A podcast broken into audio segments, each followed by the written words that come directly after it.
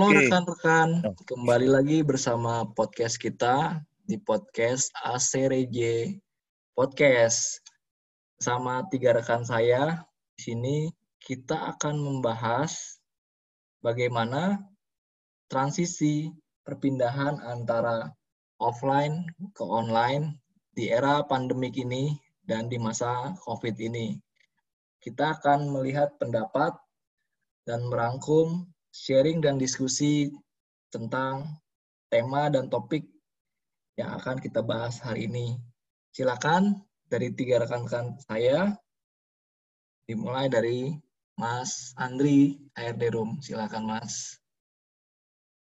Oke, di tengah pandemi COVID-19 ini, alangkah baiknya kita mencoba. Mencoba kan tidak ada salahnya ya. Itu mencoba perpindahan kita dari bisnis offline ke online. Mungkin dari saya sih ada beberapa. Uh, misalkan tips and triknya ya untuk kita pindah dari bisnis offline ke online. Bukan pindah sih sebenarnya. Ini mengembangkan bisnis kita uh, yang tadinya offline menjadi menjadi online. Jadi kita bisa lakukan dua-duanya offline maupun online-nya. Menurut saya sebelum kita melakukan atau kita ber, memindahkan bisnis kita ke online, kita lakukan dulu riset pasar. Riset pasar di sini apa sih yang dimaksud? Kita lihat kita lihat lagi nih di sini misalkan kita mau online-nya di mana?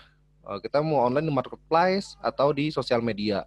Kita lihat uh, trennya trennya di lingkungan kalian di daerah kalian itu trennya lebih banyak di mana? Apakah orang lebih banyak uh, membuka marketplace atau orang lebih banyak cenderung lebih percaya dari sosial media? Ya itu kita lihat dulu pertama kita riset mau di mana kita untuk berjualan online-nya. Atau kita bisa bangun uh, toko online sendiri kayak gitu contohnya ya.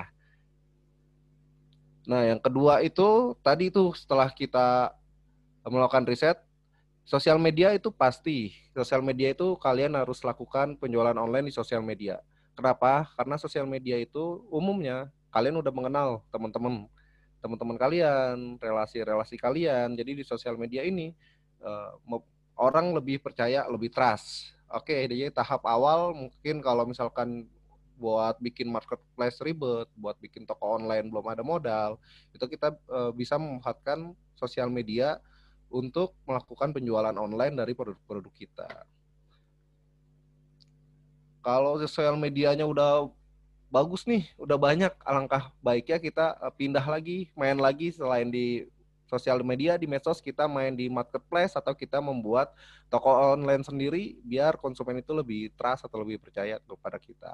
Dan yang ketiga, yang menurut saya ini lebih penting ya. Jadi eh, kalian sebelum melakukan bisnis online itu kalian harus kumpulin dulu sih data-datanya. Misalkan WA-nya ada berapa banyak kayak gitu. Kalian punya email, punya email teman-teman kalian, rekan kalian, klien kalian itu ada berapa banyak.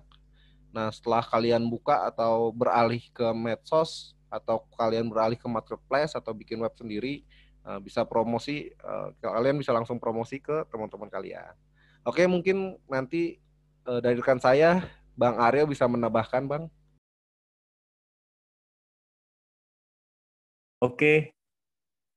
Uh, terima kasih untuk tentang apa perpindahan dari bisnis offline ke online.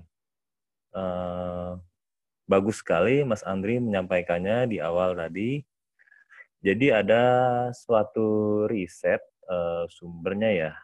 Jadi mengenai tren ya, tren teknologi atau suatu tools alat yang memudahkan orang menjalankan bisnisnya dari offline ke online ada tiga ya. Satu nih sebelum tahun 2009 ke bawah atau 2000 ke atas ada trennya namanya website.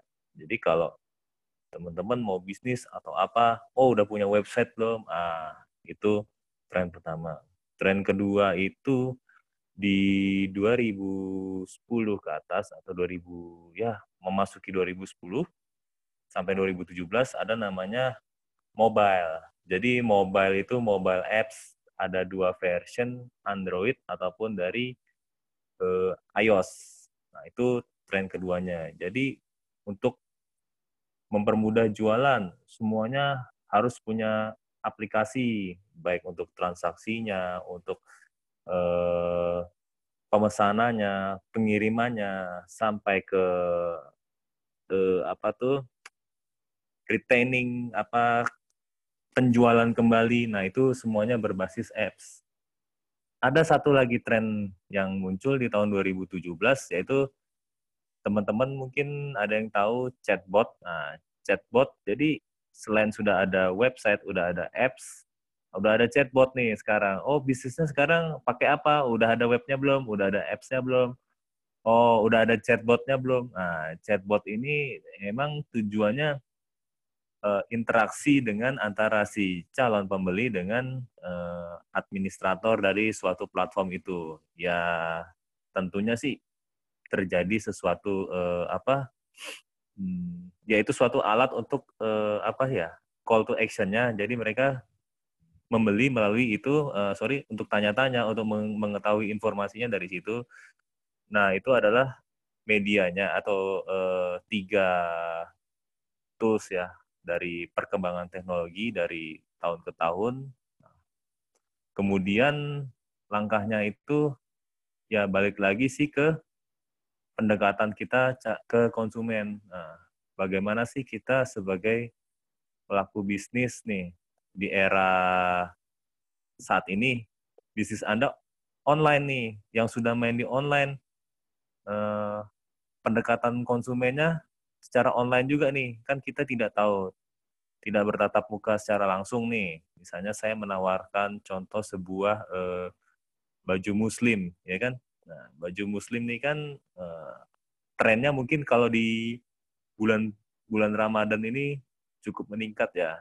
Apalagi eh, mau lebaran, baju baru. Nah, ini kita punya suatu produk di e-commerce atau marketplace, kita tidak tahu siapa pembelinya. Nah, inilah ada beberapa pendekatannya. Seperti tadi udah dibilang kayak melalui sosial media atau melalui kita mempunyai uh, branding kita sendiri. Nah, sampai di situ sih untuk lebih mendalamnya atau teknisnya pendekatan konsumen melalui online rekan saya Mas Regif Dewangga silakan. Halo, oke, terima kasih Mas Andri, Mas Aryo. Uh, kalau dari saya ya, bagaimana pandemik ini merubah behavior atau kebiasaan para pelaku usaha ya, yang tadinya hanya bergerak bergerak di channel offline, sekarang mulai menambah atau bergerak ke lebih ke arah online, dikarenakan beberapa aturan seperti work from home, uh, learn from home dan sebagainya. Nah, untuk beradaptasi dengan transisi tersebut sebenarnya eh, gampang-gampang sulit ya. Gampangnya itu sebenarnya gampang dilakukan, sulitnya itu sulit karena hanya dipikirkan. gitu. Beberapa orang beberapa pelaku usaha bilang, waduh harus ke online, ini banyak banget, ribet banget, nggak bisa ini itu. Nah, karena itu di pikirannya, bukan di tindakannya gitu kan. Jadi action yang pertama itu membiasakan mindset mindset dulu supaya untuk melakukan segala sesuatu berbasis online tuh jauh lebih mudah. Uh, bisa, bisa, bisa gitu. Nah, setelah mindset itu terbentuk, baru nanti akan tumbuh beberapa skill baru. Tanpa disadari, pasti mendapatkan skill baru. Nah, apabila memang di pertengah di pertengahan perjalanan itu ada uh, tumburan atau hambatan, nah mereka bisa menaikkan uh, levelnya ya menaikkan levelnya dengan cara uh, belajar online berdiskusi tanya jawab uh, berkelompok dan sebagainya gitu. Jadinya apa? Pekerjaan itu akan jauh lebih mudah jika dilakukan uh, bersama-sama gitu. Dan jauh lebih cepat jika dikelompokkan dan didiskusikan apa hambatannya. Nah di fase yang selanjutnya mereka akan tahu channel-channel mana aja sih yang bisa dimasukin di awal yang tentunya itu bersifat gratis ya. Nah, ada tujuh channel gratis yang bisa dimanfaatkan ya. Mulai dari uh, Facebook pribadi, Facebook Group, Marketplace, Marketplace Facebook ya.